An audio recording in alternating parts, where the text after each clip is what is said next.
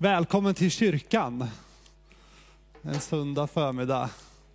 Vi eh, är ju i det här gudstjänsttemat som eh, John pratade om här, församling som familj. Och eh, vi har kretsat kring den här metaforen av Eh, familjen kring köksbordet, alltså församlingen kring köksbordet. Några söndagar har det till och med stått ett bord här med bord och stolar och Hans-Olof var kreativ med sitt gäng och ledde oss liksom med lovsång härifrån köksbordet.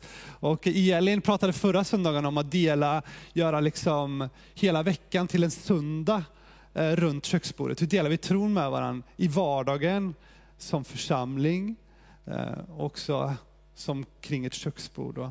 Jakob snackade om glädjeyran, festen vid köksbordet. Och, ja. och idag så är frågan, vad händer en måndag vid köksbordet? Ni vet, nu är vi mitt i november.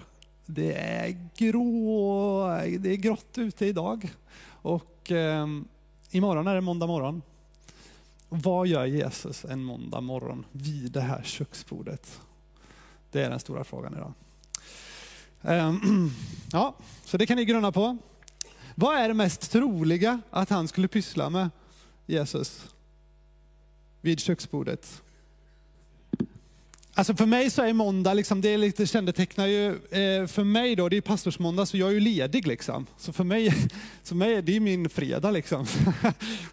ja, men, eh, men eh, jag kan ju relatera till er och eh, mitt tidigare liv innan jag var pastor så är ju måndag dagen där man blir ibland smärtsamt påmind om att allt inte står riktigt rätt till på min insida.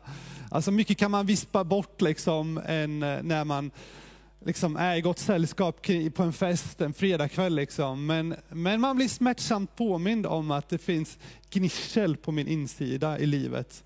När, eh, när omständigheterna inte är solljus och en härlig vårdag när allt vackert ligger framför sig. Men min fråga kvarstår, vad vill Jesus göra då en måndag? Vad är det mest troliga att Jesus gör egentligen? för någonting? Vad tror du? Först och främst så vill jag säga en sak. Och det är inte det som predikan kommer att handla om. Men först och främst så finns det en sak som Jesus är upptagen med när det kommer till dig. Han vill spendera tid med dig. Det är det viktigaste för honom. Det är det som står högst upp på hans agenda. Ibland så ser vi våra liv som renoveringsprojekt. Saker som ska fixas och vi ber Jesus om att lösa de här sakerna. Och han är mån om det, han vill det. Men först och främst så ser inte han dig som ett renoveringsprojekt. Han ser dig som sin vän som han vill spendera tid tillsammans med. Och det är det viktigaste för honom. Det står högst upp på agendan. Så där, med det sagt så vill jag säga en annan sak och det är det den här predikan kommer att handla om. Det är att i evangelierna, när vi läser dem, så finns det en sak som Jesus pysslar med.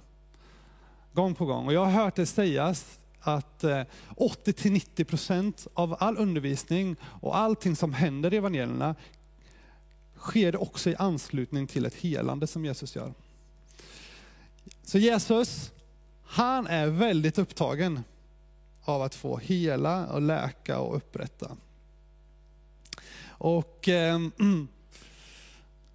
där, måndag morgon i november, när du sitter vid ditt köksbord och blir smärtsamt påmind om att allt inte står rätt till i ditt mående, eh, i ditt, på din insida i ditt liv, så, så är det som att han fäster blicken i dina ögon.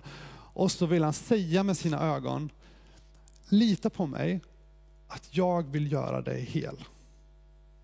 Lita på mig. Tro på mig. Jag kommer vilja göra dig hel.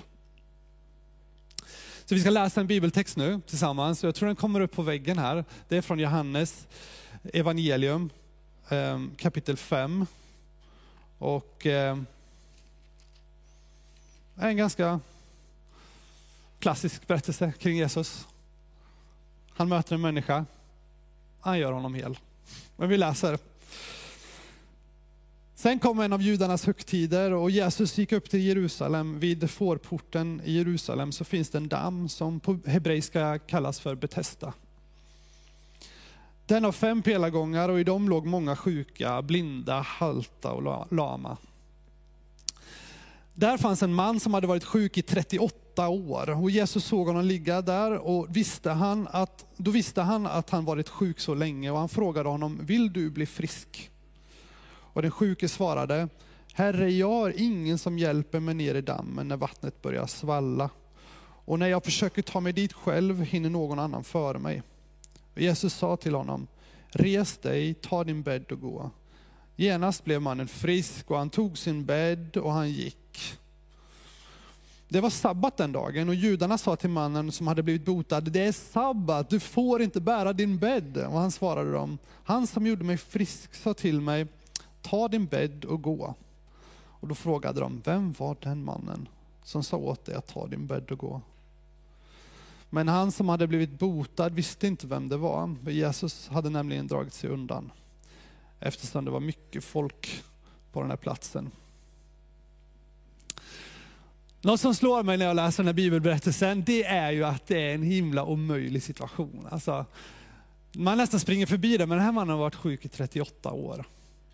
38 långa år. Jag vet inte hur länge han har hängt över den här Bethesda-dammen och hoppats på att han skulle ha flyt att komma först i vattnet. För man hade en, eh, det fanns en, eller sägen säger, eller liksom berättelsen um, är hämtad ifrån den här dammen, där man tänker sig att det var en ängel som rörde upp vattnet då och då, eller en gång per år eller återkommande. Och när det här händer, då skulle man kasta sig i vattnet och den som var först i blev helad.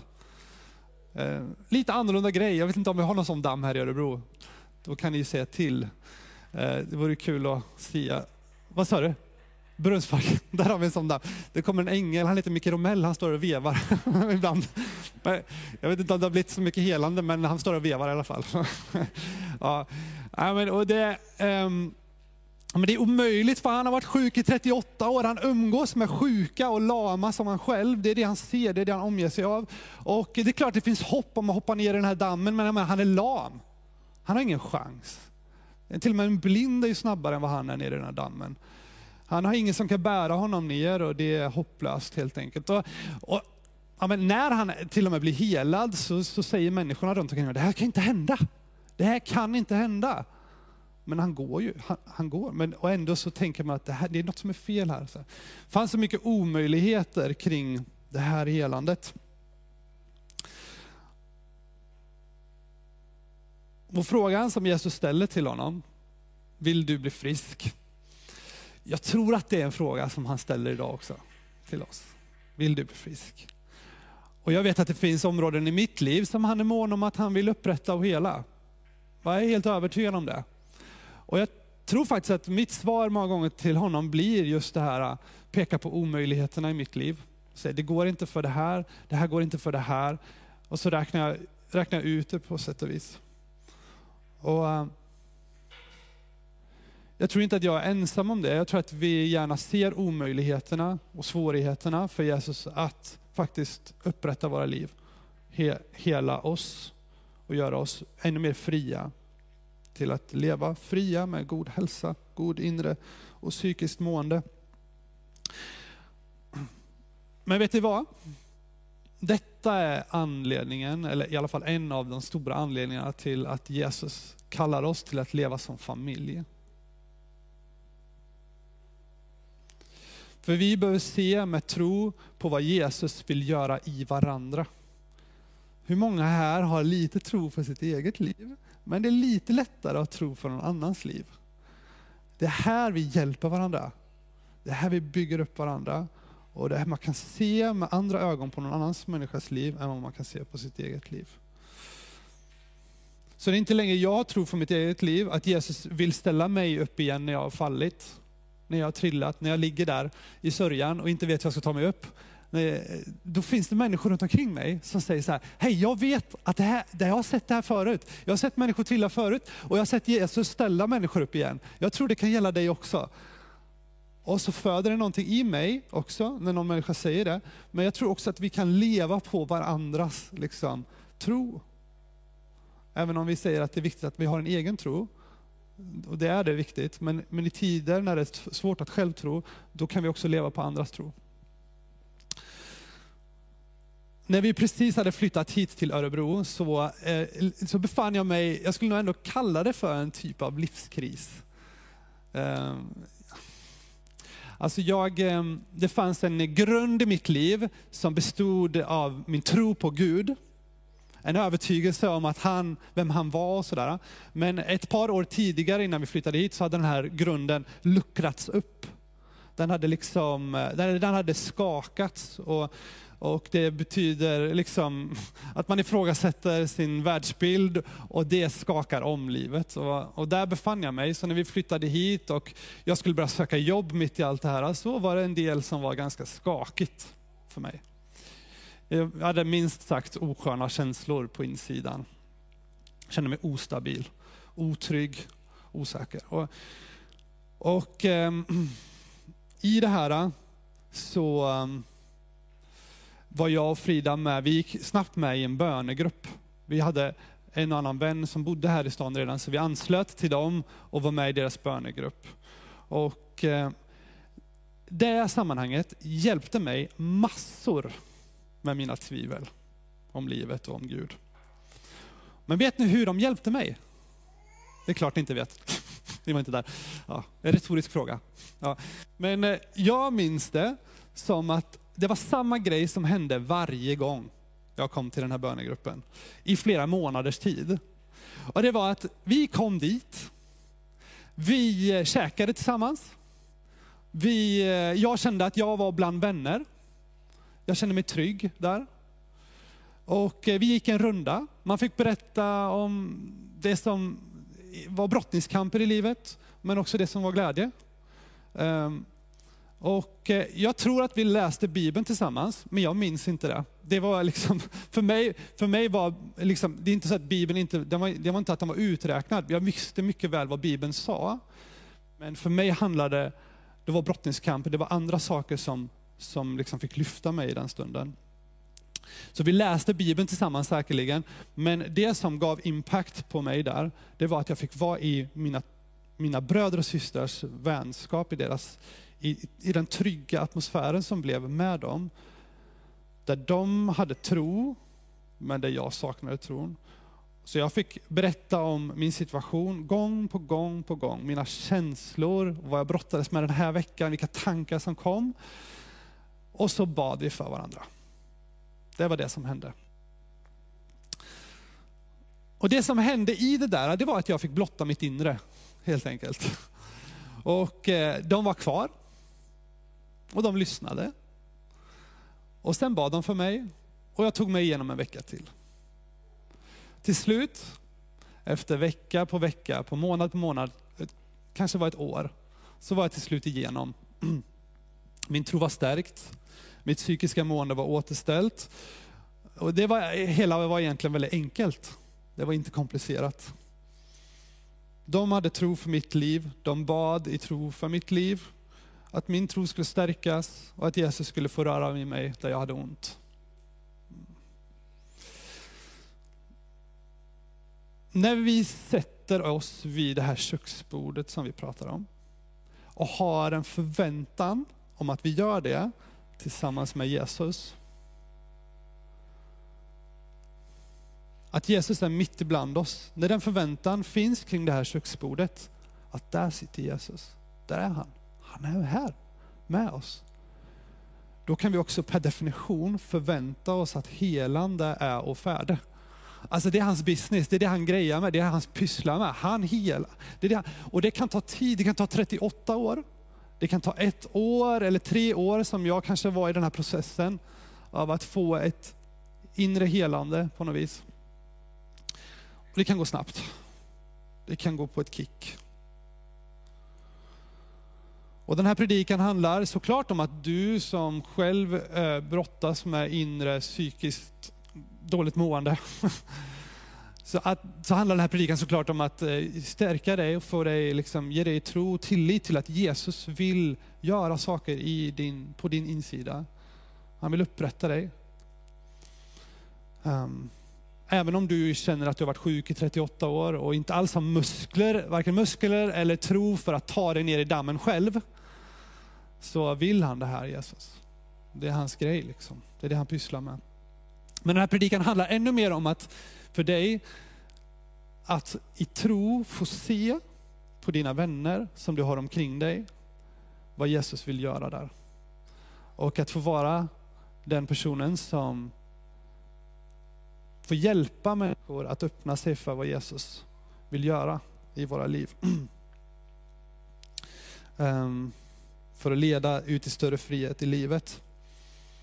För många år sedan så satt jag på min väns eh, hotellrum. Vi var på någon typ av konferens eller liknande. Och han var trött, han var sliten.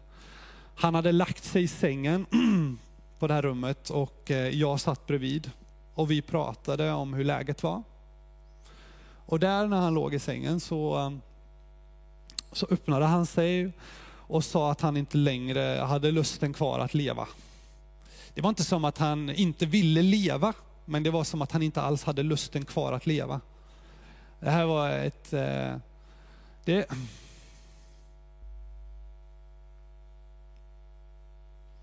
det var som att han blottade sitt inre. Han öppnade en dörr till ett rum i hans hjärta, i hans inre som var kallt och mörkt. Och som han inte öppnar generellt. Men där och då gjorde han det. Han öppnade den dörren. Jag lyssnade på honom.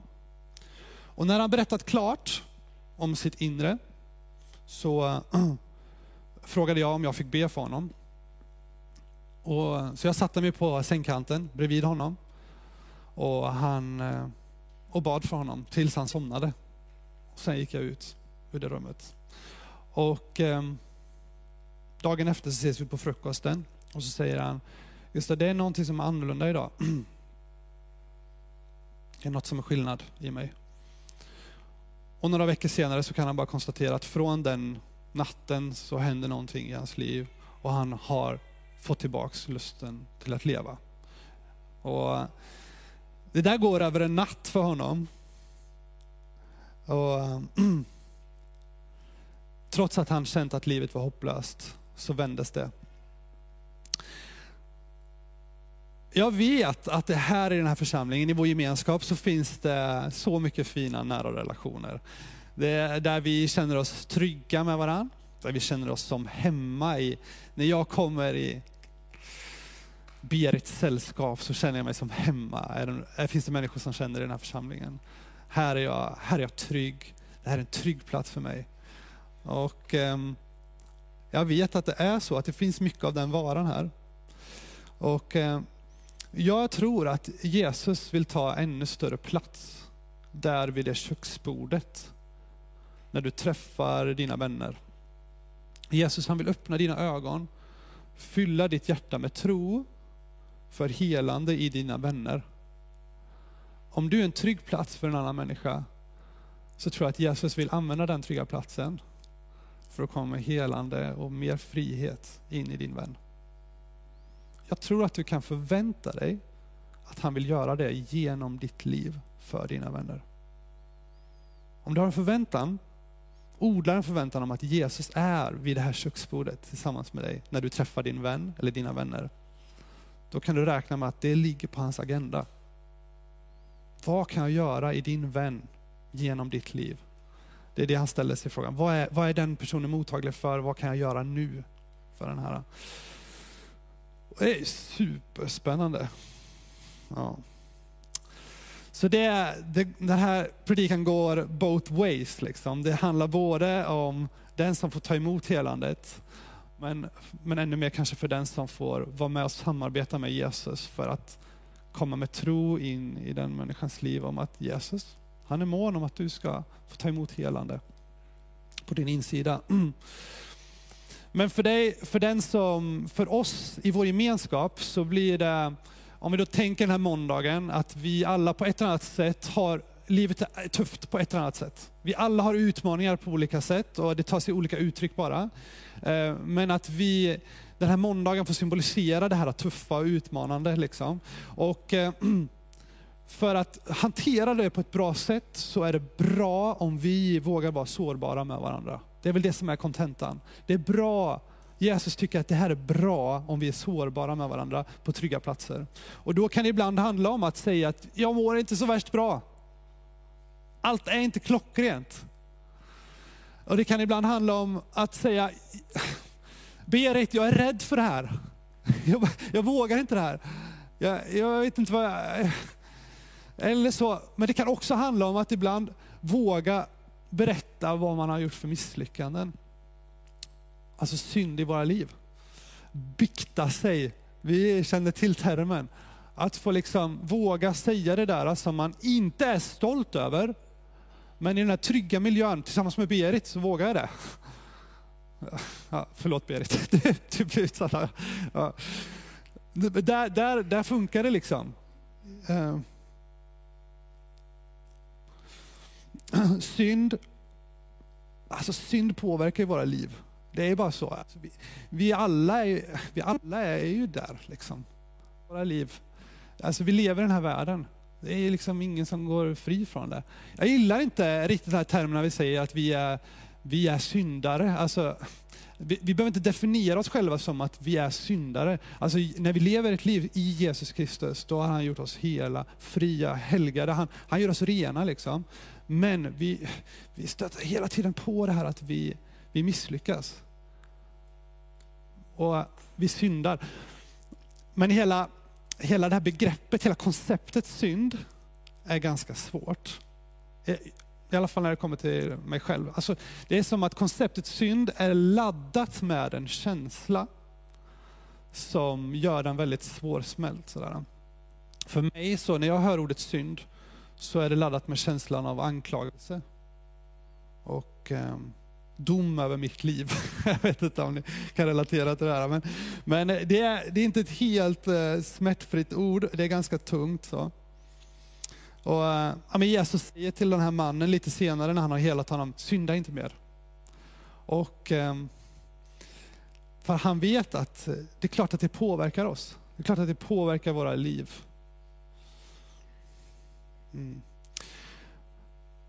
Men när det kommer till synd så eh, bör vi egentligen relatera till synd. Att när synd uppdagas i våra liv så bör vi egentligen känna så här med bara, wow, tänk Jesus att du låter mig få se det här. För då vet jag att det finns hopp om att det finns ännu mer frihet som du vill föra mig ut i mitt liv. Jag tror verkligen att det är så Jesus vill att vi ska relatera till synden. När vi upptäcker synd i våra liv, då ska vi komma till honom med den som en, med förväntan om att han vill göra någonting åt det här i mitt liv. Inte som en anklagelse mot dig att du inte duger, att du inte är tillräcklig. Vi vet det. Jag vet att jag inte är tillräcklig. Alltså det där känner vi redan till. Och när Jesus säger till den här mannen, synda inte mer, då tror jag inte heller att det är som att han skickar med den här mannen hem en hemläxa. Gå igenom hela ditt liv, kolla igenom allt du har och se, försök att hitta om du har gjort något fel. För om du har gjort något fel, då är det inte bra. Utan jag tror att när Jesus säger det här till den här mannen, synda inte mer nu. Så här. Då vet den här mannen exakt vad det är Jesus pratar om. Och, och i de här orden så finns det befrielse för den här mannen. Det är inte en anklagelse på det sättet. Jesus har inte kommit för att döma världen, utan för att rädda världen, ge den liv. Så, så i det här så har det liksom, det, ibland blir det som en känslomässig knut för oss när det kommer till synd. Alltså det är som att vi låser oss istället, istället för att komma med det till Jesus, så stänger vi oss. Liksom. Och jag tror att det finns en ganska självklar förklaring till varför det är så. Um, vi har en fiende. Den kristna tron och den kristna världsbilden är väldigt tydlig med att vi har en fiende. Och vi, den har många namn. Djävulen, Satan, um, ja, you name it. Och den har ytterligare ett namn som kallas för åklagaren. Åklagaren vill ständigt hitta fel i ditt liv och mitt liv och binda oss till dem och säga, du duger inte, det här kommer aldrig gå bra, det är kört, du kommer aldrig greja det här, du fixar det, du tar aldrig ur det här. Liksom. Och jag, det är inte Jesus, när han kommer till oss och så säger han så här, det, här, det finns större frihet för dig i ditt liv. Det är därför jag pekar på den här saken, för den är inte bra för dig. Det är liksom, och jag tror att synd i grunden handlar om områden i våra liv där vi inte sätter Gud högst. Det finns rum i våra liv där inte Gud är nummer ett. Och, vi, och det är när vi väljer det medvetet, att inte ha Jesus högst på den platsen. Så blir det, jag tror att det är, det är nog den främsta liksom, typ, alltså det är nog så vi bör se på synd framförallt. Så. När vi medvetet väljer någonting annat framför Gud. För att göra det enkelt så kan vi tänka, ta det här med pengar till exempel. Alltså, vi, eh, anledningen till att vi ger pengar, alltså i kyrkan gör vi det, vi ger ju regelbundet. Så här. Det har inte att göra med att, ehm, eller det har att göra med att vi såklart vill ge till andra människor och ge in i det Gud gör. Men en stor anledning till att vi ger pengar, det handlar väldigt mycket om för vår egen skull. Att vi genom att ge, så säger vi till oss själva att Gud, du är viktigare för mig än mina pengar. Alltså det blir som en handling som symboliserar en hjärtas inställning att Gud, du är viktigare, min kärlek till dig är större än kärleken till pengarna. Så att eh, när vi ger så handlar det inte om att vi köper Gud. Förstår du vad jag menar? Vi mutar inte honom. Utan eh, vi ger för att vi vill vara tydliga med oss själva att Jesus, kärleken till dig är större än kärleken till, till pengarna. Och eh, jag tror att det är sunt och jag tror att det är viktigt och bra för oss att ha ett sådant förhållningssätt. Men, men eh, det är också så att när Jesus pratar med sina lärjungar om att han en dag ska lämna dem, så säger han, när jag lämnar er så kommer jag inte lämna er i sticket, utan jag kommer sända en annan hjälpare. Och det här ordet hjälpare, det, det är liksom den heliga ande, det är Gud själv, den anden som utgjuts, liksom, så att vi alla kan ta del av den. Jesus på alla platser samtidigt. Och den här hjälparen, det, det, grekiska, det grekiska ordet för hjälpare som vi översätter till hjälparen, det är paraklet. Och det ordet är liksom det grekiska ordet för försvarsadvokat. Så om fienden, namnet på fienden är åklagaren, anklagaren för våra liv, så är Gud själv vår försvarsadvokat. Så när synd, när, när synd blir laddat med den här jobbiga känslan av att du är anklagad, du är dålig. Eh, Alltså det finns, det finns liksom belägg för att säga att det inte är bra med synd. Alltså det är helt rätt. Så här. Men tonen och känslan i det av att du är fast, du kan, kommer aldrig loss. Liksom. Du, eh, då, då är liksom, det är fiendens sätt att se på synden. Så här. Medan Guds sätt att se på det, jag försvarar dig. Jag backar dig. Ja, ja, ja. Jag vet du är människa. Det, det är så det är. Jag vill tvätta dina fötter. Jag vill borsta bort dammet från dina skor. Jag vill jag, jag backar dig, jag är din försvarsadvokat. Hjälparen som vill bo i dig och genomsyra dina tankar, genomsyra ditt hjärta. Det är din försvarsadvokat, det är din hjälpare. Det är din, nej vi ska inte dra massa paralleller. Din boj i bukten, din termos i gryningen. Är det någon som känner igen? Nej, okej, okay, skit i det. Alltså, den heliga ande är den som står på din sida. Så när den heliga ande uppenbarar synd i våra liv så kan vi säga, wow, jag kan med förväntan förvänta mig att det finns mer frihet att få i mitt liv. Istället för att känna bara, oh, det där var inte bra. Det här måste jag gömma. Dölja det så gott det går. Sminka över grisen. Spring! nej, nej, nej. Ja. Så därför kan det vara av stort värde att nämna för dina vänner vid köksbordet. Nämn för Berit, det här är inte bra i mitt liv. Jag är inte stolt över det här, det här är dåligt. Då kommer det ljus in, för det står så här i Guds ord. Vill ni stå upp? Ska vi läsa ett, ett, ett eh, bibelord? Första Johannes kapitel 1, vers 5 till 7 så står det så här, och detta det är fortsättningen på det John läste för oss. Och detta är det budskap som vi har hört av honom och förkunnar för er, att Gud är ljus och att inget mörker finns i honom. Om vi säger att vi har gemenskap med honom men vandrar i mörkret så ljuger vi och handlar inte efter sanningen. Men om vi vandrar i ljuset, liksom han är i ljuset, då har vi gemenskap med varandra och blodet från Jesus, hans son, renar oss från all synd. Så om vi vandrar i ljuset, liksom han är i ljuset, då har vi gemenskap med varandra och blodet från Jesus, hans son, renar oss från all synd. Nu kan ni sitta ner igen. Så att vandra i ljuset, det är uppriktighet och en transparens, inte med alla, men med, på den där trygga platsen, vid det där köksbordet, med Berit. Ja, stackars Berit. Du har mycket att göra efter det här.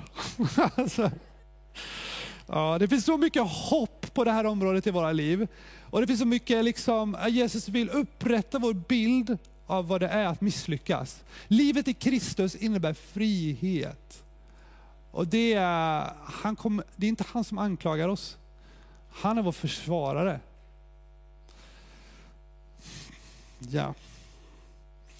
Så avslutningsvis så skulle jag bara vilja paketera de här, äh, framförallt de här två erfarenheterna som jag delade med er, vad som hände där, paketera dem i en trestegsraket, det är ju skitbra. Tre steg för att hjälpa din vän att, att ta emot ännu mer helande från Jesus. Och det är superenkelt. Jag beklagar att det är tre steg, det känns så klyschigt och klassiskt. Men, men äh, det som händer är väldigt enkelt. Trygg plats. Vid köksbordet. Det kan hända på ICA också. Ni vet, man står i ett hörn och får det här samtalet. Men det handlar om relationen. Här har jag en trygg plats. Det kan hända här, förbönsplatsen, vart som helst. Men det är den här relationen. Här känner jag mig trygg. Och sen så är det lyssnandet. Alltså när du lyssnar på din vän som börjar öppna dig, säger någonting så här, så lyssnar du på den människan, hör vad den säger och samtidigt så lyssnar du också på Jesus. Förväntan om att Jesus är där vid köksbordet. Nej, han är högst angelägen om den här stunden och vill använda den. Så lyssnar du på honom, vad vill du göra här Jesus? Och sen steg nummer tre, men det som händer i steg nummer ett och två, det är helt enkelt att den här personen får chans att bara öppna lite. Glänta lite på en dörr, där det kanske är lite mörkt och lite kallt där innanför. Så gläntar den lite, för den känner sig trygg. Och sen så kommer steg nummer tre, och be för den här personen. Det krävs ingen, inga magiska formler. Det handlar egentligen bara om att säga Jesus, du ser det här. Vi vill överlämna det här till dig Jesus. Gör det du vill det här, i den här människan. Så det här är enkelt. Och det här, så det här liksom är inte bara för dig som ser dig som själavårdare, utan det här är för dig som egentligen ser dig själv som mer, jag är mer praktiker. Jag gör inte de där andra grejerna, men det här är enkelt. Det här, det här kan vi alla göra. Det är inte svårt och det är jättespännande. Det är sån gåva att få ge till sin vän. Det är sån gåva att få ge till sin vän. Hmm. Så eh, vi ber tillsammans. Så Matilda och Anton, ni får gärna. Tack Jesus för att du vill upprätta dels vår bild av vad det är att misslyckas här som människa. Att du inte är den som anklagar oss, utan du är den som försvarar oss. Att när vi får se saker i, i vårt inre som inte är bra, att då är du den som vill leda oss ut i större frihet. Tack Jesus för det. Hmm. Jesus, jag ber att den här gemenskapen ännu mer skulle få bli den här trygga platsen för varandra. Och att du Jesus i ännu större grad skulle få använda de platserna och de situationerna, de stunderna, de, de heliga stunderna, när ett hjärt, en människas hjärta öppnar upp ett rum som är dolt och mörkt och kallt, till att få komma in med helande och hopp. I Jesu namn. Så ber jag att vi skulle få gå in i en tid av att ännu mer få ta emot helande från dig Jesus. Du ser vad vi alla eh, kämpar med. Utmaningar som vi blir smärtsamt påminda om måndag morgon i våra liv. Men där du Jesus eh, vill eh, möta vår blick och säga, lita på mig. Lita på mig. Lita på mig. I Jesu namn. Amen.